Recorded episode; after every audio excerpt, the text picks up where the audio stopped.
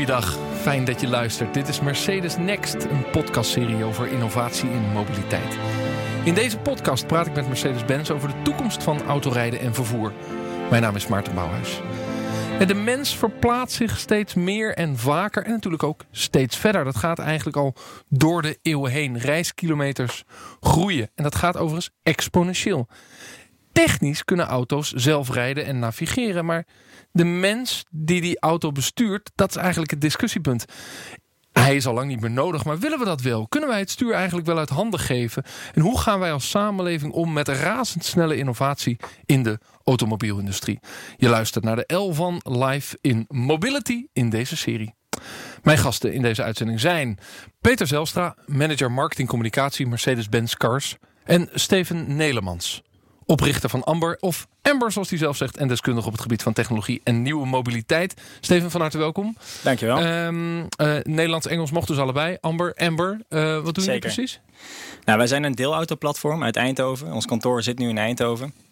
Wij doen niet zomaar deelauto's. Het belangrijkste is dat wij gegarandeerde beschikbaarheid bieden. Dus wij hebben dekkingsgebied. En als jij binnen dat dekkingsgebied zegt: Ik heb een auto nodig. dan garanderen wij dat er altijd binnen loopafstand een auto voor jou aanwezig is. Ja, en dat verandert dus iets met die gebruiker. die echt op een andere manier naar mobiliteit gaat kijken. Ja, waarin zeker. we vroeger dachten: de heilige koe moet je bezitten.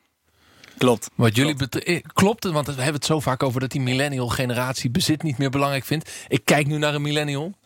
Tenminste, wanneer ben je geboren, Steven? 1995. Precies, ik kijk naar een echte Peter. Het is een echte millennial. Absoluut, ik zie het. Dus uh, ik mag het zeggen, want ik ben van 78 en het begon pas in 80. Dus ik, ik mag het altijd zeggen. Uh, uh, klopt het dat je dat bezit dan dus niet meer belangrijk is? Um, ja en nee. Ik bezit geen auto. En de reden is natuurlijk ook omdat ik overal ambers tot mijn beschikking heb. Ja. Maar het belangrijkste is denk ik voor mensen om van het bezit weg te gaan... is dat er een alternatief beschikbaar moet zijn wat minstens even goed is. Mensen gingen niet zomaar weg van hun cd's. Er was eerst iets als Spotify of iTunes of muziek ja, downloaden. Ja, iTunes kwam eerst en Spotify heeft dat weer disrupt. Precies, ja. precies. Dus dat is het belangrijkste. En je ziet ook aan onze gebruikersgroep dat niet iedereen heel erg jong is. Je ziet echt gewoon door de hele, door de hele nou ja, leeftijdsketen heen, zeg maar, zie je amber gebruikers. En de grootste reden dat mensen het gaan gebruiken is gewoon omdat het veel makkelijker is. En ja. Dat, uh, dat is nou, die relatie van de gebruikers, dus die nieuwe technologie, want het zijn allemaal elektrische auto's ook, hè, begrijp ik? Ja, klopt. Uh, en, en, hoe de mens daarmee omgaat, wil ik het graag met jullie over hebben. Uh, Peter, verandert nou de rol van de auto in de samenleving dan in de toekomst? Ja, dat denk ik wel. Zoals het was, dat zal het zeker niet blijven. En hoe snel alle ontwikkelingen gaan, dat is natuurlijk afwachten. Maar wij moeten in ieder geval heel goed voorbereid zijn op al die ontwikkelingen. En zorgen dat je overal aanwezig bent. Dat als een ontwikkeling heel snel, heel groot wordt, dat wij er al zijn. Ja, maar wordt het meer dan een vervoermiddel? Kun je de auto voor mij nu, voor de meeste gebruikers, is een auto gewoon een vervoermiddelpunt? Ja, dat is ook een beetje persoonlijk van uh, wat voor band heb je met je auto. Sommige mensen hebben een hele diepe emotionele passie, passionele ja, omdat je, band. Omdat je, omdat je er jaren voor gespaard en, hebt. En dat zien wij mooi graag vindt. natuurlijk. Ja, tuurlijk. Maar ja. wij, wij snappen en accepteren dat uh, mensen uh, het ook als een uh, pure mobiliteitsoplossing ja. zien. Kijk, de mensen die het geld neerleggen voor een nieuwe AMG, ja, die hebben een emotionele band met die auto, want dat kost wat. Ja, maar in Mercedes daar heb je altijd een emotionele band mee. Die kies je niet per ongeluk. Ah, is dat het? Ja, ja, ja. ja, de, de, maar de, de vraag is, verandert die rol van die auto in de samenleving? en dan gaat het hier al even over car sharing. Dat, dat betekent dus dat we die auto niet meer hebben. Terwijl een heel groot deel van autobeleving is ook het hebben van die auto. Ja, ik, ik denk dat het inderdaad gaat veranderen. En uh, het tempo, nogmaals, dat is uh, variabel misschien per land of per mens. Maar het, uh, het zal niet meer voor iedereen vanzelfsprekend zijn dat je een auto moet bezitten. dat is nu al. Je hebt gewoon meerdere opties. En ja, er zullen opties populairder worden. En het delen van auto's zal populairder worden. Vooral in steden, denk ik. nog misschien nog meer dan in ja. de gebieden daarbuiten. Nee, en als je kijkt naar de, naar de ontwikkeling van de auto, de technologie die erin stopt. Ik bedoel, alle technologie die nu in een auto wordt gestopt, die draagt bij aan het, aan het, het, het ding vervoermiddel? Of doen jullie nog meer dan dat? Probeer je ook te, te, innoveren in een auto, zodat ik ook meer beleving dan alleen vervoermiddel krijg? Ja, absoluut. Daar, daar zit de grote uh, toevoeging de komende tijd. Uh, als we richting autonoom rijden gaan, ja, dan krijgt uh, de, de auto een hele andere functie. Wij zien dat als de third space. Dus je hebt je woonspace, je werkspace en daartussen zit die auto. En eigenlijk vinden we dat, dat we in die third space, dat je daar alles moet kunnen doen wat je in die andere spaces al deed. Dus koffietje zetten? Whatever. Dat is uh, namelijk wat ik thuis doe op het werk met grote regels. Nou, bijvoorbeeld, weet je, maar gewoon why not? Uh, je gaat de auto straks als een soort lounge zien, een lounge op wielen. Oké, okay, maar zeker als die zelf rijdt natuurlijk. Ja, dan heb je daar de tijd voor en de middelen voor. En dan is het aan ons om die beleving te verrijken met dingen en heb je dan een concreet thuis voorbeeld of op het van, werk van, gewend bent. Heb je dan een concreet voorbeeld van wat jullie nu investeren in een auto waardoor het die third space voor mij wordt? Nou, we, we hebben dus een, eh, een autonoom rijdende auto. eh, en daar kan je dus aan de binnenkant eh, op de ramen ook gewoon projecteren. Beelden van whatever wat je wilt. Dus ook al rij je door Amsterdam, dan kan je ook de, de desert van Nevada projecteren. En dan rij je eh, optisch voor jouw gevoel in de desert in Nevada. Ja, dan rij je dus door het UNESCO Werelderfgoed. Je kiest waar je zelf wil rijden, ook al rij je daar Namelijk niet. de grachtengordel van Amsterdam. Overigens kun je Ja. daar niet rijden, want dan sta je alleen maar stil achter busjes. Dus dat is ook wel weer zo. Eh, maar dat is wel grappig. Maar dan kun je dus ook al even je presentatie doornemen. Absoluut. Op weg naar een klant. Ja, Ja, het is interessant. De insteek, Steven, die third space. Had je er wel zo naar gekeken? Van, die auto wordt dus meer dan een vervoermiddel, maar wordt eigenlijk de derde ruimte waar we, waar we verblijven. En dan moeten we ook al die gemakken hebben. Zeker, zeker. Ja, het is eh, op het moment dat natuurlijk die auto's zelfrijdend worden, dan heb je gewoon de, de, de tijd die je normaal bezig bent met jezelf vervoeren, kun je dan inderdaad inzetten voor andere dingen. Eh, dat maakt het ook een heel stuk interessanter om onderweg te zijn. Het is grappig is ook. ehm, Carlo van der Weijer die, die hield ooit een presentatie waarbij hij zei dat hij ooit een keer een Tesla Model S met autopilot had. eh, ja, Carlo is director van Smart Mobility in Eindhoven. Verbonden aan de Universiteit in Eindhoven. ja, klopt, klopt. Goede introductie. Voor Nee, de maar- luisteraar die het niet weet. Ja. Nee, maar het leuke is, hij zei ook van ja, als je, op het moment dat jij een, een auto krijgt met steeds meer zelfrijdende features, dan zie je dat het gedrag van mensen steeds, eh, gaat, steeds meer gaat veranderen. Want mensen gaan ook steeds meer de file opzoeken. Want op het moment dat je in de file staat en je kan daar zelfrijdend rijden, kun je telefoon erbij pakken, mailtjes wegwerken, van alles en nog Maar wat dit is de zin van deze podcast. Mensen gaan de file opzoeken. Ja. ja, want je krijgt vrije tijd terug. Dat is het aardige. Maar wel stilstaand dan toch? Ja, maar, maar voor je Maar de gevoel... frustratie van naar weilanden kijken terwijl je stilstaat, die mensen blijft toch? ook. Maar je krijgt straks echt meer vrije tijd tot je beschikking. Ja, ja. Dat je denkt, ik sta in de file, ik kan dingen doen. En mijn kinderen zijn lekker thuis. Die kunnen me ook niet storen. Ja, dat het, het gaat je leven veranderen. Uh, maar ook al want met, nu, sta je ook sti- nu sta je zinloos stil. Voor, Nee, dan luister ik naar BNR. Steven, wat wil je zeggen? Nee, maar ook als je, als je stapvoets rijdt. Stel je voor, je rijdt van Amsterdam naar Eindhoven toe en je doet er een half uur langer over. Maar in plaats van dat je er anderhalf uur over doet, nu twee uur. Dat je wel twee uur productief bent. Ideaal. Ik zou ervoor tekenen. Ja, dus inderdaad de third space gedachte. Ehm, eh, hoe wordt Mercedes en de medewerkers, de mensen die in- investeren in technologie en innovatie hierin meegenomen? Is dit, is dit wat, laten we zeggen, boven elke werkplaats en elk bureau gespijkerd is van jij werkt aan de third space? Third space as, su- as such niet zo, maar eh, dat we verder moeten denken dan puur het verkopen van auto's, wat we natuurlijk eh, 130 jaar hebben gedaan. Eh, dat wordt nu heel nadrukkelijk gecommuniceerd. Ja, we worden eh, van een, eh, een verkoopbedrijf van auto's een, een mobility provider. Is dat moeilijk voor een klassiek Duits bedrijf? Nou, dat is, dat is moeilijk voor elk groot bedrijf. Eh, wat iets eh, jarenlang eh, heeft gedaan en ineens gaat veranderen. Dat is een grote omschakeling. Dat is heel uitdagend. en daar moet je als organisatie ook niet te licht over denken. Dus dat moet je heel serieus voorbereiden en, en uitrollen. Maar, Maar- wat, is nou lastiger? Is het lastig om de technologie te ontwikkelen waarvan ik het gevoel heb, die ligt op de plank? Want ja, projecteren op de ramen, het is allemaal heel spannend. Maar volgens mij in Zuid-Korea, weet je wel, dat zijn technologieën die kun je bijna inkopen. Of is het feit dat dus die relatie tussen die mensen en die auto verandert? En dat je dus als autobedrijf eigenlijk een heel ander type bedrijf wordt. Je wordt eigenlijk een soort interfacebedrijf. Je wordt meer een soort van Facebook-achtige organisatie klopt. die bezig is met de relatie tussen zijn gebruiker en zijn technologie. Ja, we blijven natuurlijk een autoproducent, maar eh, de, nou ja, dat is de, dus de vraag. de, ont, de dingen die je nu moet toevoegen, die software, eh, die, die kan je niet allemaal inkopen. Die moet je ook zelf ontwikkelen, maar in een ander tempo dan wij traditioneel gewend waren. Ja, Dus want je hebt 120, 130 jaar gebouwd aan de beste benzine- en dieselmotor van de wereld. Exact. En nu moet het in 10 jaar tijd compleet Nou, over een wat andere nu boeg. gevraagd wordt zijn vooral eh, software aanpassingen. En dan moet je dus veel sneller acteren. Dus dan moet je op een andere manier organiseren. Dus wij werken nu heel veel eh, met eh, start-up bedrijven samen. En wij, wij zoeken ook in die scene mensen. We gaan in die scene, in die steden eh, digitale centra neerzetten. Dus in Lissabon, in Tel Aviv, in Shanghai, in Silicon Valley. Heb, heb je een soort van eh, probeerhubs eh, gebouwd? Absoluut. Nou, dat zijn geen proberen. Het zijn echt gewoon forse digitale hubs. Oké. Die, eh, normaal werd alles gedaan eh, in Duitsland, zeg ik. Daar werd alles ontwikkeld. Nu eh, hebben we echt onderkend, nee, je moet daar gaan zitten waar die mensen werken en wonen. Ja, Tel Aviv is helemaal hip hè, met de start-ups en de Ja, technologie sector. Hip zijn, dat zijn echt technologische, technologische centra geworden waar heel veel expertise en know-how. En, en wat doe je dan? Ga je samenwerken met ze en laat je hun in hun eigen kracht of koop je ze eerst? Beide. Beide, dus we kopen ze. De, de Eh, strategische die koop je eerst maar. nee, maar gewoon, we, we gokken niet zozeer op één eh, manier. Dus we richten zelf die centra in met eigen mensen. En we gaan heel veel samenwerkingen aan met start-up bedrijven. Ja, Steven, hoe kijk je ernaar? Want je, je komt zelf uit Eindhoven. Dat is ook een, een grote hub als het gaat over technologie. Met heel veel start-ups en, en eh, jonge mensen die, laten we zeggen, het beste idee van de wereld aan het ontwikkelen zijn. Dan komen er dit soort grote corporates langs. En die willen in, in allerlei innovation labs eh, willen die dingen doen. Hoe, wat, wat vindt die start-up ondernemer ervan? Bedoel, ziet hij de dollartekens? Of denkt hij van ik wil eh, onafhankelijk blijven? Hoe, hoe, wat is het perspectief van, van die start-up? Dat is heel verschillend. Uh, het verschilt zowel per start-up bedrijf, wat natuurlijk het doel is. Als je zo snel mogelijk wil verkopen, dan, dan heb je een ander doel dan dat je zo lang mogelijk je, je bedrijf voor jezelf wil houden. Daarnaast verschilt het ook heel erg met wat voor soort bedrijf je samenwerkt. Wat wij heel vaak merken is dat, uh, zeker als je een strategische samenwerking aan wil gaan met een groot bedrijf, is dat het heel erg lastig is om van een bestaand, goed lopend businessmodel af te gaan. Dus wat ik me ook kan voorstellen bij bijvoorbeeld een bedrijf als Daimler. Op het moment dat je nog steeds heel veel auto's verkoopt, wat is dan precies dat moment? Hoe moet je het timen? Dat je over gaat op een nieuw businessmodel. Want je gaat dan een bestaand businessmodel, wat eigenlijk nog goed loopt, afzwakken om iets nieuws uit te proberen.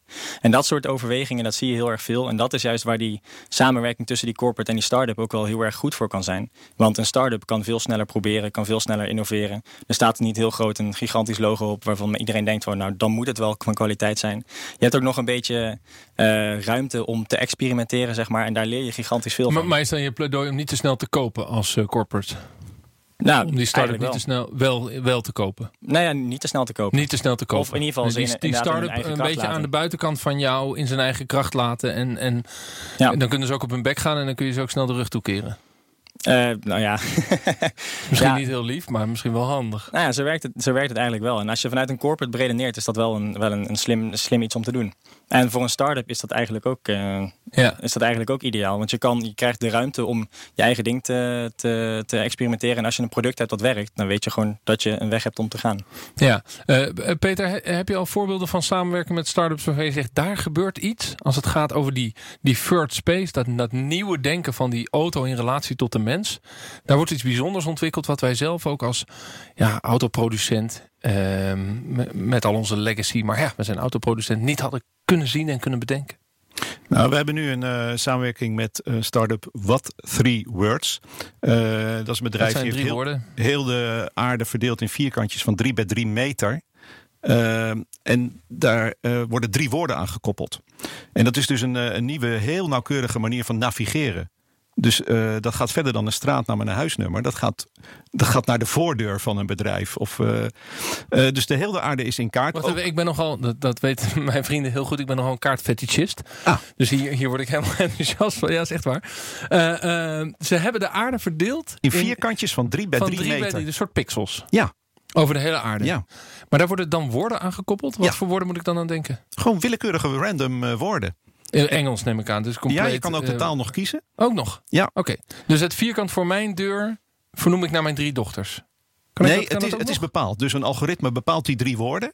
Ah ja, oké, maar- ja. Maar dat is eigenlijk het adres van dat vierkantje. Heeft drie woorden als, eh als En er naam. zijn genoeg woorden in de taal om Ja, eh, allemaal unieke Ja. vierkantjes te maken. Ja. Ja, ben jij in bed eigenlijk, Steven? Ja. Ja, dan moet je even met me meerekenen dan op dat soort momenten. Ja, Zo snel, zo snel ga ik niet. dat vind ik wel heel fijn. Maar Eh, om, om, aan te geven over de snelheid. Dus Ja. dit is een samenwerking van, ik dacht verleden jaar. En eh, die techniek zit nu al in de nieuwe A-klasse die zojuist geïntroduceerd is. Die heeft al wat three words aan boord. Oké, maar uiteindelijk ga ik naar een adres. Ja, dus ik ga naar het Rembrandtplein 1. Ja, traditioneel. Ja. Maar de nieuwe gedachte is, eh, je gaat naar eh, draaimolen, peper, eh, aardappel. Het is toch niet handig? Nou, als je heel nauwkeurig wil navigeren in gebieden waar geen straten en... eh, Is het heel handig? precies. Ja. Je kan dus naar een exacte locatie op de aarde toe. Als je een pizza bestelt op het strand bijvoorbeeld, dan ben je altijd aan Ja. het hannissen met waar je staat. Ben je Ja, tussen goed paal voorbeeld. 5 en tussen paal 6. Goed voorbeeld. Ja, en dan kun je dus gewoon Ja. naar golf, zandkorrel en duin. Ja. Want zo heet dat Ja. vierkantje daar. Ja. Maar, maar die woorden. Ik begrijp nog steeds niet helemaal goed. Dan moeten we wel allebei hetzelfde systeem hebben. Dus ik klik dat is vierkantje aan. Het is een app. gewoon een app, ja. Het is een app, ja. Die woorden zitten eigenlijk alleen maar naar de zitten er al achterkant. in, Ja, ja. die zitten alleen maar, dat is ook alleen maar technologie. Ja. Dat is wat ik als, als, Ja. als gebruiker niet zie, Ja. neem ik aan. Want dan klopt. word ik helemaal gek. Ja. Oké, en die nieuwe, dus het, dat is eigenlijk dus nieuwe navigatie. Dat is nieuwe navigatie. heel maar, maar, dat is dus, ja. maar dat is dus investeren in de auto als vervoermiddel. Namelijk het doel van A naar B komen, dan kom ik beter bij B. Ja. ja. Maar de vraag was, die auto wordt iets anders voor ons als mens. Die, er komt een andere relatie tussen auto en, en mens en maatschappij. Dat is een beetje de holistische benadering van dit gesprek. dus welke uh, ontwikkelingen ben je mee bezig om, om daar invulling aan te geven? Wat eigenlijk helemaal buiten jullie wereld van vervoer en mobiliteit zit. Nou, een, een, ander voorbeeld is uh, dat, uh, dat zit dan ook in de nieuwe A-klasse. Dat is uh, artificial intelligence. Daar heeft natuurlijk iedereen het al over, maar dat zit ook in die auto. Dus die analyseert jouw gedrag in de auto. Kijk, dan komen dus, we ergens. Dus stel jij belt je vrouw elke dag om vijf uur onderweg naar huis. Ja. Op een gegeven moment weet de auto dat. En die gaat dat als suggestie projecteren rond die tijd. Van, zal ik weer je, je vrouw bellen? Ja. Uh, dus dat, dat is ook voor ons nieuwe technologie. Het kan heel gênant worden als je iemand anders belt. Ja, ja, ja. En je vrouw zit er een keer naast. Maar je krijgt dus veel meer predictive uh, functies. Uh, en dat is gebaseerd op je gedrag. Nou, dat is behoorlijk nieuwe technologie. Ja, en dan zijn wij... jullie met, met Amber bezig. met dus, um, ja, voor mij altijd een auto beschikbaar. Elektrisch. Gelukkig, hè? Nieuwe ja. tijd. ga je dan ook met AI predicten? Je Zeker. bestelt altijd een auto en nou, hij staat al voor u klaar. Uw koffie is warm. Ongeveer, ja. Dat stukje van de koffie, daar zijn we nog aan het werken. Maar eigenlijk de kern van, van ons platform is inderdaad dat predictive model. Dus wij, wij moeten, om dit accuraat te gaan doen en om het echt goed te gaan doen, 100% nauwkeurig op naar schaal Nederland, Europa, noem het maar op. Moeten wij dus zorgen dat wij eigenlijk weten dat jij een auto nodig hebt voordat je zelf al bedacht hebt van, oh, ik moet dadelijk ergens naartoe. En dat doe je onder andere door agendadata, door, um, door het gedrag te analyseren, profielen op te stellen, dat soort dingen. Ja, maar het wordt echt allemaal... interessant. Want kijk, ik heb in mijn agenda heb ik een afspraak staan in Eindhoven. -huh. En dan kan ik via uh, iCal, want ik gebruik uh, Apple, uh, ziet hij de reisafstand erbij. Hè? Dan kan ik natuurlijk ook weer koppelen met data uit het verkeer. En dan zegt hij op een gegeven moment, u moet nu weg. En, en dat allemaal koppelen. Maar dat betekent ook dat hij hem dan dus moet vervroegen... op het moment dat er in één keer een ongeluk gebeurt. Of dat gebeurt automatisch. Daar krijg je een melding van. Nee, precies. Nee, maar het mooie is, het gaat ook nog, nog verder dan dat. Want op het moment dat je zoveel data aan het genereren bent, dan is het het feit dat mensen zichzelf gaan vervoeren, zeg maar. Dus het feit dat ik van, van Eindhoven naar, hier naar Amstel toe kom en dadelijk weer terug ga, dat, dat, dat is een vervoersbeweging die je ook weer kan gebruiken om bijvoorbeeld pakketjes te vervoeren en dat soort dingen. Dus op het moment dat die data beschikbaar is, weet je gewoon, en zeker omdat het predictive is, dus je weet ook niet alleen wat er vandaag is gebeurd, maar ook wat er de komende week of de komende weken gaat gebeuren, heb je dus zo gigantisch veel aanknopingspunten waar je dus nieuwe businessmodellen op toe kan laten. Dus en zijn jullie daar ook mee bezig? Dat ik goedkoper kan rijden als ik twee pakketjes aflever? Bijvoorbeeld. Of je en merkt, de auto je merkt vertelt wel en de auto vertelt wel waar die pakketjes naartoe moeten. Hoef ik niet over na te denken als bereider. Ja, of, of je merkt het niet eens. Wij weten al, wij weten al dat ik naar, vandaag naar Amstel toe ben gegaan. Dus op het moment dat daar iets naartoe moest vanuit Eindhoven, als je dat echt op grote schaal doet, dan merk je dat niet eens. Ligt het gewoon in je achterbak. En ligt het in je achterbak, dan parkeer je je auto hier uh, bij onze studio naast. -huh. En dan komt iemand anders het eruit halen, want die heeft ook access tot die auto. Ja, bijvoorbeeld. Of alleen tot de achterbak of iets in die richting. Er zijn, er zijn ondenkelijk of er zijn on, er gigantisch veel mogelijkheden op het moment dat je die data gaat genereren. En dat je ook één, één platform hebt wat al die vervoersbewegingen toch al gaat uh, uitvoeren, zeg maar. Dan kun je gigantisch veel mee. Ja, daar zitten in pakketjes heel veel verschillende dingen. Van, van nieuwe schoenen voor mijn vrouw tot en met uh, cadeautjes voor mijn kinderen. Maar ook spullen die het daglicht niet kunnen verdragen. Die worden ook uh, vervoerd. Dat zou ik dan dus niet willen als klant. Dat ik, dan Dat de, dat ik dan de coureur ben voor dat uh, pakketje met medicijnen die illegaal zijn. Ik roep maar iets die iemand besteld heeft in Amsterdam. Ja, dat klopt. Dus daar moeten we dan wat op dat zijn, dat zijn nog dit, maar je, je, doet een kluis in de auto of je, je weert dat of je kan je er zelf ja. van uitsluiten. Of... Is dit ideetje al bij jullie bekend? Ja. Dat als je toch ja, die auto's laat dat rijden? bij Smart ook al. Uh, dat is nu ook een functie dat je dat uh, al kan toepassen. Ja. En als ik dat dan doe als bereider, uh, verdient het platform daar dan meer aan of krijg ik korting? De, de, ik, ik, zit niet in de details daarvan, maar het is op zich een constructie die wij ook al toepassen. Um, tot slot, uh, nog even naar die, die consument zelf. Die, die bereider, die dus een third space, dat, dat gaat veranderen. Tegelijkertijd, ik begon de uitzending met het begrip heilige koe. Uh, dat is iets. De auto is, is van ons als mensen. We hebben daar een beeld bij. We, we rijden graag zelf. Er zijn heel veel mensen die ook echt graag rijden. Ik heb zelfs vrienden die hebben nog een schakelbak omdat ze schakelen leuk vinden. Daar begrijp ik ook helemaal niks van, maar dat gebeurt. Dus, dus autorijden is ook een soort van, is ook een soort van ding. Uh, hoe kijken jullie bij Mercedes tegen die transitie aan? Dat als je die auto als een soort first space gaat zien. Die op een gegeven moment straks, daar gaan we het ook nog over hebben. Autonoom rijdt en zijn eigen routes kiest. En door een ander wordt gebruikt als ik hier op kantoor zit. Hoe gaat die mens, die autoliefhebber daarmee om? En dan heb ik het niet over die man met vijf klassiekers. Dat is een, klein, dat is een kleine groep. Maar gewoon de gemiddelde gebruiker. Die toch best trots is op het karretje wat voor zijn deur staat, waar hij zelf in rijdt. Ja, ik denk dat je altijd uh, gemixt uh, publiek houdt. Dus er blijven mensen die, uh, die liefde en die passie houden en die helemaal niet willen weten van delen. Maar er komt een nieuw publiek bij die dat wel doet. En je krijgt dan misschien een balansverschuiving. En ik moet zelf wel eens denken aan toen de auto kwam. toen, daarvoor reed iedereen paard. en toen de auto er was en iedereen auto reed, toen bleef de paard wel, maar dat werd een hobby. Daar, daar gingen mensen uh, mee racen. Uh, en dat werd uh, de paard. En misschien is dat straks met de auto ook. Dat straks ze gingen, geen auto gingen zelfs dressuur mee rijden. Maar, de, maar er, is, er is een clubje dat blijft rijden. Die wil zelf schakelen, rijden. En dat doe je dan voor je plezier, voor ja. je hobby. En over 20, 30 jaar mag dat alleen nog op Zandvoort en Assen. Ja, dan, misschien. Ik weet het niet. Voordat echt overal autonoom gereden wordt, dat zal nog lang duren. Dat zal denk ik eerst op bepaalde trajecten kunnen. Maar dus, dus dat, blijft, dat kan een soort hobby worden. Maar het, het gemeen goed wordt, die auto is een sharing ding. Hij is niet per se, per se van jou. En, en het rijden doe je eigenlijk ook wel niet meer zelf. Dus het wordt een soort third space met koffie en het oefenen van je ja, presentatie. Op termijn zullen we daar zeker naartoe gaan, denk ik. Ja. Hartelijk dank. Peter Zelstra, manager marketing communicatie Mercedes-Benz Cars. En Steven Nelemans, oprichter van Ambar en deskundige op het gebied van technologie in nieuwe mobiliteit. In de volgende aflevering van deze podcastserie Mercedes Next praat ik met mijn gasten over autodelen en duurzaamheid. Nou, autodelen hebben we een beetje over gepraat. Gaan we verder over doorpraten. Blijf luisteren. De vraag is natuurlijk, hoe innoveert Mercedes hier dan in? Nou, deze aflevering staat al voor je klaar op de site van Mercedes. Mijn naam is Maarten Bouwers. Dag.